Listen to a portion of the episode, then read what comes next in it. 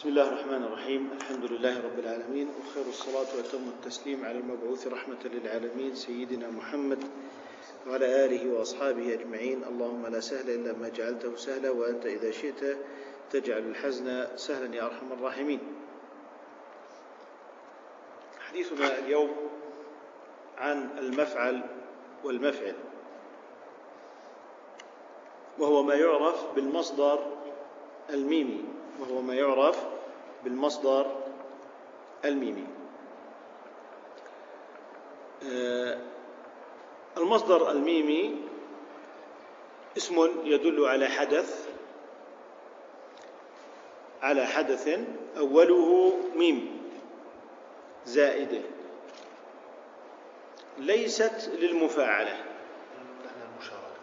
المفاعلة تدل على المشاركة كمضاربة ومقاتلة. إذا ميم زائدة بالإضافة إلى أن الصيغة تدل على حدث. نقول إن المفعل الذي هو المصدر الميمي يدل على ثلاثة معاني المصدر والمكان والزمان. كما نقول مولد رسول الله صلى الله عليه وسلم مكة. فالمفعل هنا بمعنى اسم المكان. ونقول مولد رسول الله صلى الله عليه وسلم عام الفيل. اذا دل على الزمان. ونقول مولد رسول الله صلى الله عليه وسلم أغاظ المشركين. إذا ولادته. إذا ولادته. كما يمكن أن نقول مقتل زيد في شهر رجب أي وقت مقتله أي زمانه. ومقتل زيد في هذا البلد أي في هذا المكان. ومقتل زيد ظلم أي قتله ظلم. إذا المفعل فيه المعاني الثلاثة. هذا المفعل عندما نصوغه نصوغه بناء على صيغة المضارع من الفعل. بناء على صيغة المضارع. وتذكرون عندما أطلنا في الحديث عن صيغ المضارع كان هذا الأمر آه، أساسا للحديث عن المفعل هنا لأن المفعل تترتب صياغته بناء على صيغة الفعل المضارع. فنقول هناك حالات. إذا كان الفعل معتل اللام. إذا كان الفعل معتل اللام ونحن نتكلم من الثلاثي. موضوع حديثنا في الثلاثي. إذا كان الفعل معتل اللام فإن المفعل منه يكون بالفتح مطلقا سواء كان بمعنى المصدر أم بمعنى الزمان أم بمعنى المكان. كقولنا رمى. رمى فعل ثلاثي معتل اللام فما كان معتل اللام فإن المفعل منه بفتح العين. فنقول مرمى. فنقول مرمى. ورعى. مرعى. وغزى. مغزى. وثوى. مثوى. وأوى. مأوى. فكلها معتلة العين. فكل فعل مضارع. معتل العين فإن المفعل منه من فوق. من فوق. كل الحديث في موضوع المفعل كل الحديث في موضوع المفعل. إما أن تكون حركة العين مفتوحة فهي من فوق أو أن تكون مكسورة فهي من تحت. ومن ثم إذا قلنا اختصارا المفعل من فوق فذلك يعني أن العين مفتوحة. وإذا قلنا من تحت فمعنى ذلك أن العين مكسورة. فإن قلنا من أعلى فإن العين وإن قلنا من أسفل لأنه تعين الكسر بطبيعة الحال. أما من أعلى فتكون الضمة والفتحة ولما كانت الفتحة هي الغالبة وهي الأكثر فمن ثم نقول من من أعلى. أو نقول من أسفل. فمن أعلى لتعين الفتحة ومن أسفل لتعين الكسر. إذا إذا كان الفعل المضارع معتل العين عفوا معتل اللام فإن المفعل منه من فوق. من فوق مطلقا. من أعلى مطلقا. مرعى من رعى. وهكذا. أما إذا لم يكن معتل اللام ولكن كان واوي الفاء. واوي الفاء. بمعنى كانت فاؤه واوا فإنه يكسر مطلقا. فإنه يكسر مطلقا. إذا من أسفل. كقولنا وعد يعد موعد. نظرا لأنه واوي الفاء. وكذلك وعظ موعظة. ورد مورد. وقف موقف. وسمى إذا إذا كان واوي الفاء بشرط أن لا يكون معتل اللام فإن مفعله من أسفل. ماذا نقصد مفعله من أسفل؟ حركة الكسر. حركته بالكسر. حركة العين بالكسر. ماذا إذا كان معتل اللام وهو أيضا واوي الفاء؟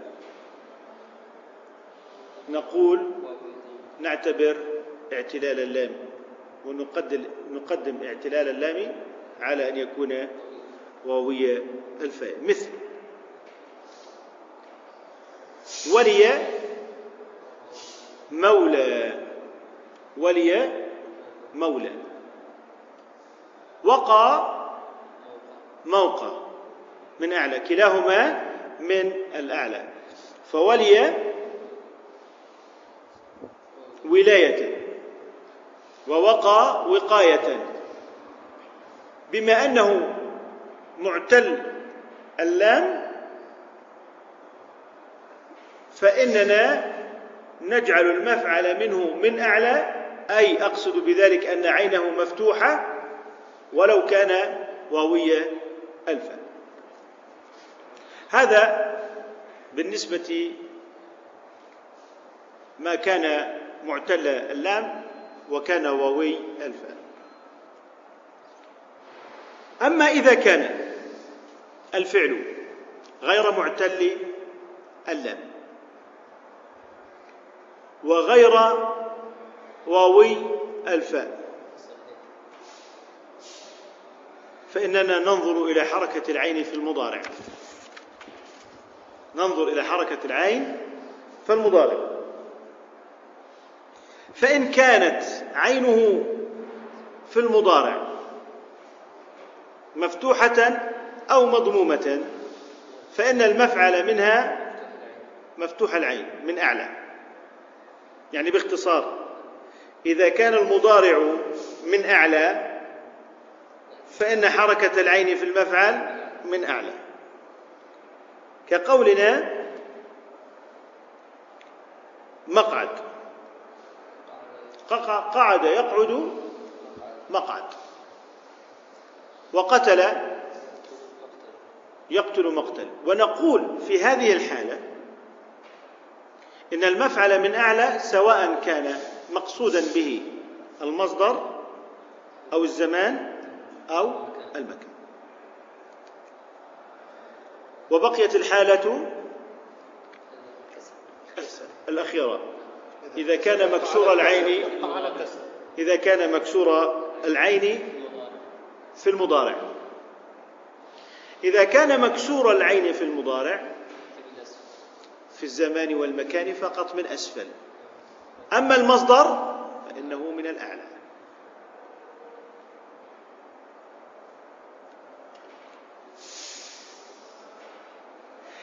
إذا إذا كان مكسور العين في الماضي الزمان والمكان وقد خلا من اعتلال اللام وقد خلا من أن تكون أن يكون واوي الفاء وكان مكسور العين في المضارع فإن مصدره من أعلى والزمان والمكان من الأسفل. وسنأتي إلى ذكر الأمثلة على ذلك. ما خرج عن هذا القياس فهو مسموع. فهو مسموع. ونقول هو بالشذوذ. وهذا للثلاثي فقط. وكل ما تحدثنا به عن الثلاثي فقط. واضح؟ أظن؟ أن هذه المقدمة تعطينا تصورا عاما قبل أن ندخل في الموضوع. فيمكن آه، ان نبدأ القراءة. من ذي الثلاثة لا يفعل اقرأ الباب باب المفعل والمفعل. باب المفعل والمفعل. نعم. من ذي الثلاثة لا يفعل له ائت بمفعل لمصدر أو ما فيه قد عمل. نعم. كمل الثاني ولا ممكن ممكن. حتى نعم. كذاك معتل لام مطلقا مطلقا وإذا الفا كان واوا فكسر مطلقا حصل.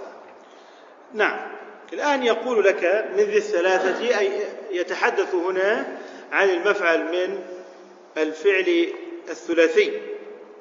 قال لا يفعل له.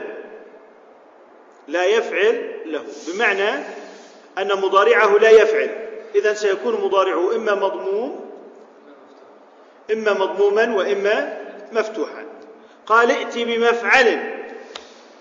قال ائتي بمفعل.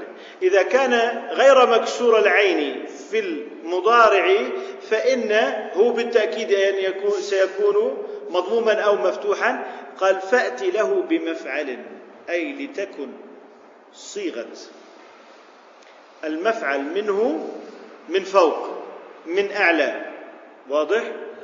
قال لمصدر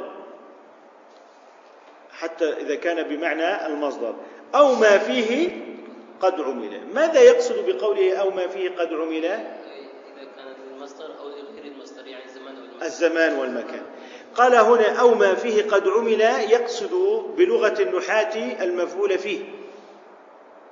المفعول فيه. هذا معنى قوله أو ما فيه قد عمل لأن الزمان والمكان ظرفان. عندما تقول مفعول فيه أزورك يوم الجمعة. أزورك يوم الجمعة. معنى ذلك أن الزيارة حاصلة أين؟ في يوم الجمعة. هذا يسمى المفعول فيه. جلست أمام الدار. أين الجلوس؟ في أمام الدار لذلك قالوا هو مفعول فيه أو ما هو معروف بالظرف. ومنه قوله تعالى وظنوا أن لا ملجأ من الله إلا إليه. لجأ يلجأ من فوق. فإن اسم المفعل منه أيضا من فوق ملجأ. وكذلك قعد يقعد من فوق. فإن اسم المفعل منه من فوق كذلك. إذا سواء كان ذلك في معنى المصدر أو معنى الزمان أو معنى المكان فإنه مقيس فيها جميعا. أن أن يكون المفعل منها من هذه الصيغة من الأعلى. ثم قال كذاك معتل لام مطلقا. معنى قوله كذاك أي على وزن مفعل السابقة. إذا حكمه حكم مفعل السابق كذاك معتل لام مطلقا أي ما كانت آه، لامه معتلة كالأمثلة التي ضربناها كمرمى ومرعى ومغزى ومأوى ومثوى بما أنها معتلات اللام. إذا ثم قال كذاك معتل لام مطلقا وإذا وإذا الفاء كان واوا. وإذا الفاء كان واوا فكسر مطلقا حصل سواء كان بمعنى المصدر أم معنى الزمان والمكان فإنه يكون بالكسر لكن علينا أن نضيف شرطا هنا. وهو أن لا يكون معتل اللام أحسنت. أن يكون معتل اللام لذلك في في صدر هذا البيت قال كذاك معتل لام مطلقا معنى قوله وإن كانت فاؤه واوا هذا معنى قوله مطلقا.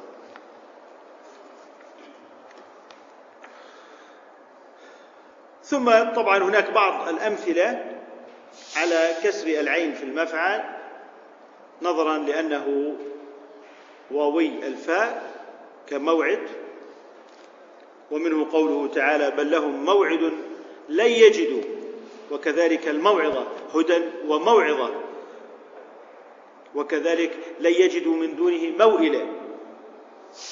وحتى تؤتوني موثقا من الله. ثم أكد في البيت الآتي على قضية أن معتل اللام وواوي الفاء. وواوي الفاء فإنه يكون المفعل منه من أعلى أم من أسفل؟ معتل اللام وواوي الفاء. هل مفعله من أعلى أم من أسفل؟ من الأعلى؟ أعلى نعم. من الأعلى. وقدمنا اعتلال اللام على- واوي الفاء وهذا ما يقصد به في البيت الآتي اقرأه يا عثمان. ولا يؤثر كون الواو فاء إذا ما اعتل لام كمود فارق فرع. فرع الصدق ولا. فرع صدق أي حافظ على صدق الولاء. فهنا ولا قصرها للضرورة الشعرية. يقصد بها فرع صدق ولاء أي كن صادقا في ولائك وفي محبتك ونصرتك. فهنا قال إذا كان الفعل المضارع آه، معتل اللام وواوي وواوي الفاء فإن المفعل منه من أعلى سواء كان المفعل بمعنى المصدر أم الزمان والمكان. ثم انتقل إلى الحديث في غير الحالات السابقة الذي ليس واوي الفاء وليس معتل اللام وليس المضارع منه من أعلى إنما مضارعه من الأسفل. نعم. في غير ذا عينه افتح مصدرا وسواه اكسر وشد الذي عن ذلك اعتزل. ونقول وسواه اكسر. وسواه اكسر وشد الذي عن ذلك اعتزل.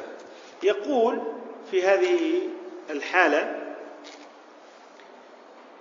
بعدما انتهى من ما هو مضارعه من أعلى وانتهى ما مضارعه معتل اللام وانتهى من ما مضارعه واوي الفاء رجع يتحدث عن يفعل.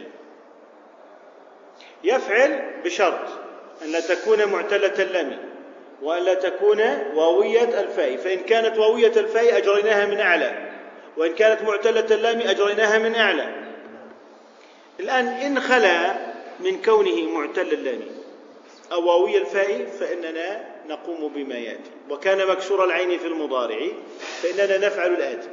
فالمصدر من أعلى والزمان والمكان من الأسفل. ما معنى المصدر من أعلى؟ حركة. فتح. الفتح. وإذا قلنا. الزمان والمكان من الأسفل حركة الكسر. الحركة فيهما الكسر. طيب هذا البيت هذه قاعدته ثم يقول لك ما جاء على خلاف هذا القياس فهو مسموع. ما جاء على خلاف هذا القياس فهو مسموع ولا يقاس عليه. لا يوجد له قاعدة. ونعتبره شذوذ إذا نحن الآن أطرنا القياس. وأيضا قواعد القواعد التي يقاس عليها واضحة. فإن رأينا مفعلا على خلاف هذه القواعد فإننا نجريه على السماع والشذوذ. طيب الآن في غير ذاك كما قلنا تكلمنا عنه.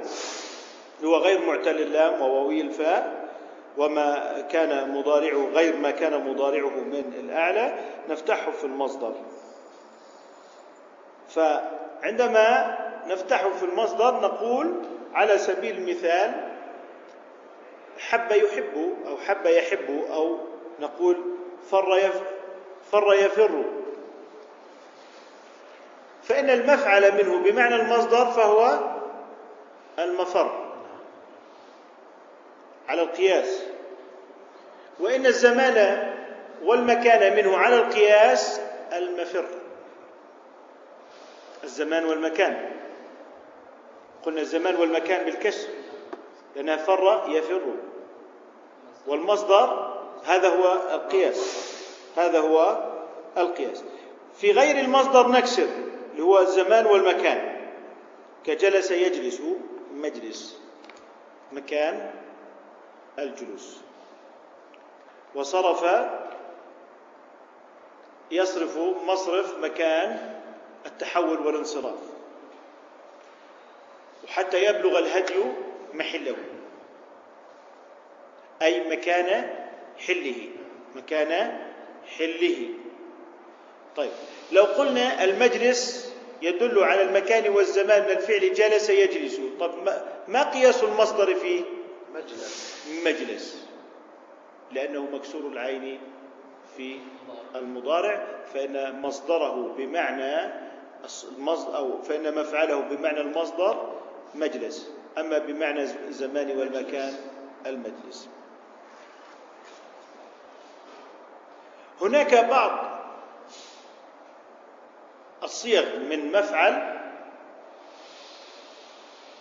جاءت بوجهين وجه مقيس ووجه مسموع. وبدأ الآن ببيان ما جاء على القياس مع الشذوذ وبعد قليل سينتقل إلى ما هو شاذ ولم يأتي منه على القياس. طيب. الآن هذا بالوجهين بالقياس والشذوذ. مظلمة مطلع المجمع محمدة مذمة. مذمة منسك مظنة البخلاء. الآن يقول مظلمة. الفعل ظلم يظلم. فإن قلنا مظلمة بمعنى المصدر فهي مقيسة. فإن قلنا مظلمة بمعنى الزمان والمكان فهي شاذة.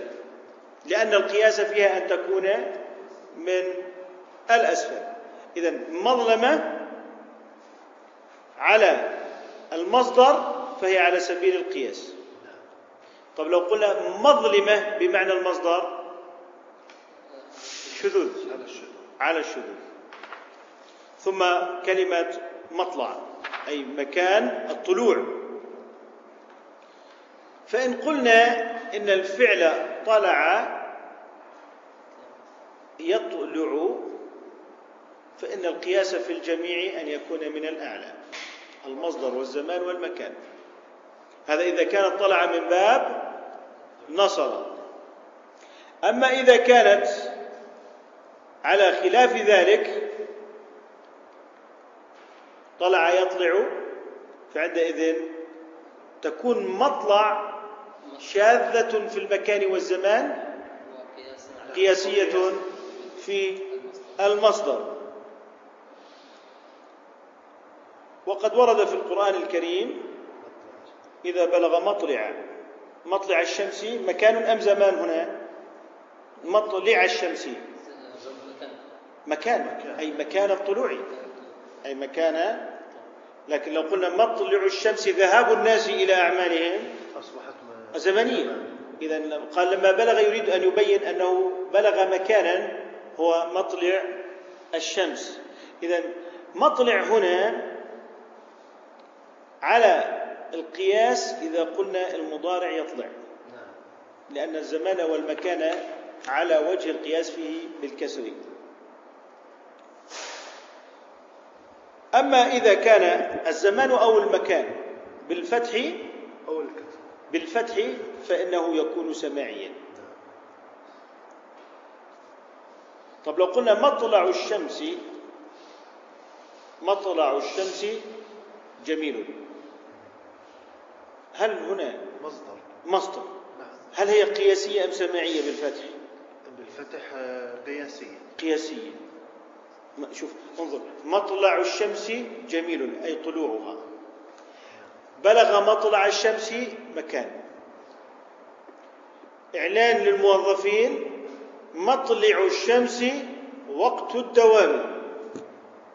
صارت زمنية. فهي بالكسر على القياس. والمطلع بمعنى المصدر على القياس. واضح؟ ثم قال المجمع. اللي هو مكان الجمع. فتقول مجمع اللي هو مكان الجمع. فالقياس مجمع من حيث المكان. القياس مجمع. لكن نقول اجلسوا في المجمع.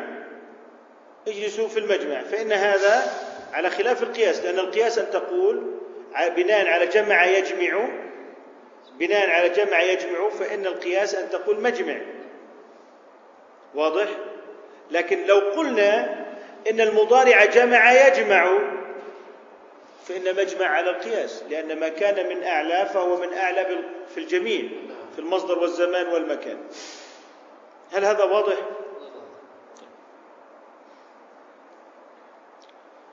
كذلك المحمدة والمذمة. فهما مصدران. من حمد وذم. فإذا قلت حمد يحمد فإن المحمد بمعنى المصدر على خلاف القياس لأن الفعل المضارع حمد يحمد فالقياس أن يأتي الجميع من أعلى. الزمان والمكان والمصدر أي بمعنى المحمدة. لكن لما سمعنا محمدة في المصدر فنقول إنها سماعية وليست قياسية وكذلك الحال في المذمة. وفي والشذوذ هو في المصدر أما بقية الزمان والمكان فهما على على القياس. على القياس. كذلك منسك. ولكل أمة جعلنا منسكا. هم ناسكون. فالنسك بمعنى العبادة فإذا قلنا نسك ينسك فإن المنسك كله من أعلى. واضح؟ ككرم ونصر. نسك نسك ينسك. وإذا قال كنصر نسك ينسك. نسك ينسك. هنا نسك مش بمعنى لكن كرم. هم؟ لا على وزن آه، يعبر دائما بالمثال. على الوزن بالمثال. واضح؟ فلما قال هنا إذا قال منسك إذا قال منسك فهي على سبيل الشذوذ. لماذا؟ لأنها إما نسك ينسك أو نسك ينسك. وكلاهما من أعلى وما كان هذا شأنه من أعلى بمعنى أنه مضموم أو مفتوح فإن المفعل منه يأتي من أعلى بالفتحة.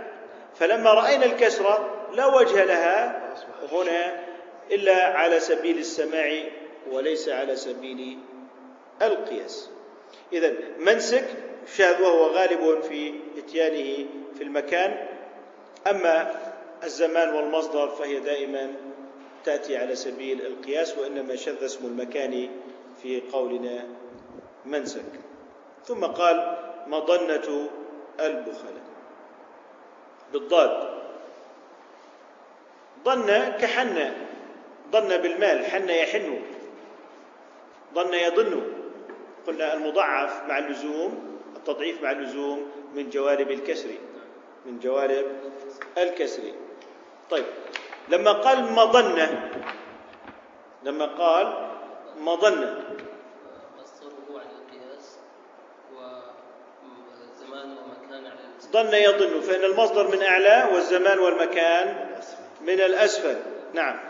فقال شاذ في كليهما أي في الزمان والمكان. طيب ربما يقول أحدهم إن ظن يظن بالكسر كحن يحن. وممكن تكون من باب فرحة ظنن يظنن. يظنن فتصبح يظن. فإن كانت يظن فإن الجميع مفتوح فتبقى. فيبقى كله من الأعلى. على أن المفعل بالفتح في المصدر والزمان والمكان. وبناء على أنها من حن يحن من حن يحن فإن المصدر من الأعلى أي مفتوح العين والزمان والمكان من الأسفل. أظن نكمل. طيب. مزلة مفرق مضلة ومدب محشر مسكن محل من نزل. ما زال ما زلنا في الحديث عن يفعل والمصدر والزمان من يفعل. يفعل المصدر منه من أعلى والزمان والمكان منه من أسفل. فقال مزلة حيث المكان الذي تزل به القدم. فإن القياس في مزلة بمعنى المكان من الفعل زلل أن يكون مكسورا في المفعل. زلل يزلل. يزلل. ومن ثم المكان والزمان من أسفل. مزلل. والمصدر من أعلى مزلل. فتصبح مزلة في المصدر ومزلة في الزمان والمكان. لكن جاء في المكان مزلة على سبيل السماع. على سبيل السماع وقالوا أيضا ربما يكون الفعل أيضا من. زلل يزلل. زلل يزلل. ومن ثم فإن المفعل منه جميعه للأعلى وبناء عليه لا شذوذ. ربما نجعل ما أتى من الأسفل راجع إلى ما هو من الأسفل في المضارع وما أتى من الأعلى فهو من المضارع من الأعلى. فنجعل الأعلى للأعلى والأسفل للأسفل. ومن ثم لا شذوذ فنقول من الفعل زلل والمكان منه مزل. زلل يزلل يزل. فلما جاءت كلمة مزلة دالة على المكان فهي من الفعل يزل. ومن ثم لم يعد عندنا هنا شذوذ إذا جعلنا آه، لكل ما يناسبه بناء على أن الفعل من باب فرح وكذلك من باب حنة وهو تخريج حسن. ونسلم فيه من الشذوذ لأن الشذوذ طارئ والأصل القياس. ثم مفرق. مفرق هو مكان الفرق. من الفعل فرق يفرق. لأننا نحن نتحدث عن يفعل. أليس كذلك؟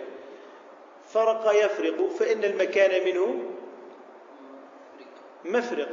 ولكن جاء وسمع مفرق. وهناك مفرق أيضا. إذا مفرق على مفرق على القياس ومفرق مكان الفرق على الشذوذ والسماع. إذا نلاحظ أن هذه الأفعال تأتي بالوجهين. وجه شاذ وجه شاذ ووجه مقيس. وجه شاذ. على الكسر ما شو مضارعها؟ هي هي كلاها. نحن الآن نتحدث في يفعل. نعم. المضارع فرق الماضي فرق المضارع يفرق. المصدر يأتي بالكسر. المضارع يفرق. المصدر يأتي بال- طيب. يفرق المفعل منها إذا كان مصدرا يكون من أعلى. نعم. وإذا كان مكانا أو زمانا يكون من أسفل. طيب. وجدنا في اللغة مفرق. إذا اسم للمكان. مكان الفرق. إذا هذا المفرق مكان للافتراق أو الفرق فيكون على القياس. طب إذا وجدنا مفرق بمعنى اسم المكان كمفرق رأسك آه، جميل. مفرق. إذا هذا مكان أم زمان؟ مكان. مكان. مكان الفرق. مكان الفرق. نقول مفرق رأسه من جهة اليمين يعني أنه يفرق شعره. مثلا. طيب إذا قلنا هذا المكان ألم نقل إن المكان في الفعل يفعل في المضارع فإن المكان منه من أسفل؟ فلما جاء من أعلى المفعل منه قلنا إنه خلاف أي مجيء المكان من فرق يفرق من أعلى أي مفرق فإن المكان هنا. إذن هو شاذ في المكان. أما من حيث المصدر فلا شذوذ لأن المصدر أصلا من الأعلى. لأن المصدر من الأعلى كذلك مظلة كذلك مظلة مظلة مصدر. نعم. من ضل يضل. لما تقول مظلة من الفعل ضل يضلل. يضل. المصدر قياسه من أين؟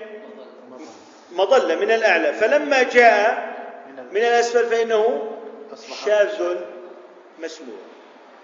إذا هنا المصدر شاذ. لكن ألم يأتي أيضا المصدر على القياس؟ نعم. جاء بالوجهين. وجه على القياس وهو مظلة ووجه على الشذوذ وهو مظلة. قال ومدب مدب اللي هو مكان دبيب النمل. مدب. طيب. نحن في يفعل أليس كذلك؟ القياس مدب. والسماع مدب. أظن وضحت هذه الأمثلة أوضحت طب والمصدر؟ قولا واحدا فإن جاء المصدر بالكسر فهو على الشاذ. فهو على الشذوذ وإن جاء المكان بالفتح فهو على الشذوذ فإن جاء المكان بالكسر فهو المكان بالكسر فهو على القياس. القياس. ثم قال ومحشر مسكن محل من نزل. محشر مسكن محل من نزل. هذه كلها أمكنة. هذه كلها أمكنة. محشر ومسكن محل. هذا كله في المكان. وهو على الشذوذ بالفتح. فإذا قلت حشر يحشر وسكن يسكن فإن المكان من أعلى ومن ثم فإن قولنا المسكن والمحشر على سبيل القياس. وما جاء محشر ومسكن فهو على سبيل السماع. أما إذا كانت حشر يحشر. مصدره على القياس في محشر. والمكان والزمان على سبيل المقياس محشر. محشر. محشر وما ورد ع- من اسم المكان بالفتح محشر. على الشذوذ. فهو على الشذوذ. فهو على الشذوذ. على الشذوذ. ما شاء الله تبارك الله. كذلك قولهم مسكن محل من نزل. فهذا المسكن طبعا هو يقصد به محل من نزل أي المكان لا الزماني وهو يقصد بهذه الأشياء المكان ولا يقصد بها الزمان ولا المصدر أي هي شاذة في المكان ما ورد فيها شاذ فهو في المكان. أما من حيث الزمان من حيث الزمان فهو على القياس. تقول حل يحل الدين في رمضان. فإن الزمان منه محل أم محل؟ الزمان محل. هذا وارد على سبيل القياس ولم نسمع منه شاذا. إنما ما سمعناه من الشذوذ فيما مر من محشر ومسكن على سبيل في المكانية وليس على سبيل الزمانيه فالزمان منها على سبيل القياس. نأتي إلى هذا البيت. ومعجز وبتاء ثم مهلك معتبة مفعل من ضع ومن وجل. نعم. يقول هنا معجز وبتاء. وهو استمرار الحديث عن ما فيه القياس وفيه الشذوذ. الشذوذ. اللي هو نعم. فتقول معجز هي أصلها من معجز. من عجز يعجز. لأنه كلامنا يا أخوة في وين؟ في يفعل. أيوة إذا عجز يعجز. عجز يعجز. قال هذه نحو ضرب فنقول معجز, هنا إذا كانت بالزمان والمكان فهي على القياس. بالزمان والمكان. على الشذوذ. على الشذوذ. وفي المصدر على- على القياس. وربما وردت كنصر. وربما وردت كنصر. ومن ثم يكون معجز في الجميع. عجز يعجز ومن ثم الجميع المصدر والمكان والزمان من فوق على سبيل القياس ولا شذوذ قال ثم مهلكة. وكذلك في حال المهلكة والمعتبة. يعني معجزة ومهلكة. بدل مهلك مهلكة هذا مقصده ب وبتاء. ومعتب ومعتبة قال مفعل من ضع ومن وجل معتبة مفعل من ضع ومن وجل طيب أي موضع وموجد. من موضع وموجد وهو مكان الوضع ومكان الوجل فالموضع وهذا طبعا من فائي الواو آه، عفوا واوي الفاء من من واوي الفاء. فإذا قلنا موضع فهو شاذ جاء فيه الشذوذ مع القياس. وموجل فهو أيضا مما جاء فيه الشذوذ مع القياس. فالفتح شاذ فالفتح شاذ والقياس الكسر كأن تقول موضع وموجل نظرا لأنهما من باب واوي الفاء. وأظن أننا هنا نكتفي بهذا القدر نظرا لأن ما سيأتينا أيضا فيه شيء جديد إن شاء الله تعالى. سبحانك اللهم وبحمدك نشهد أن لا إله إلا أنت نستغفرك ونتوب إليك.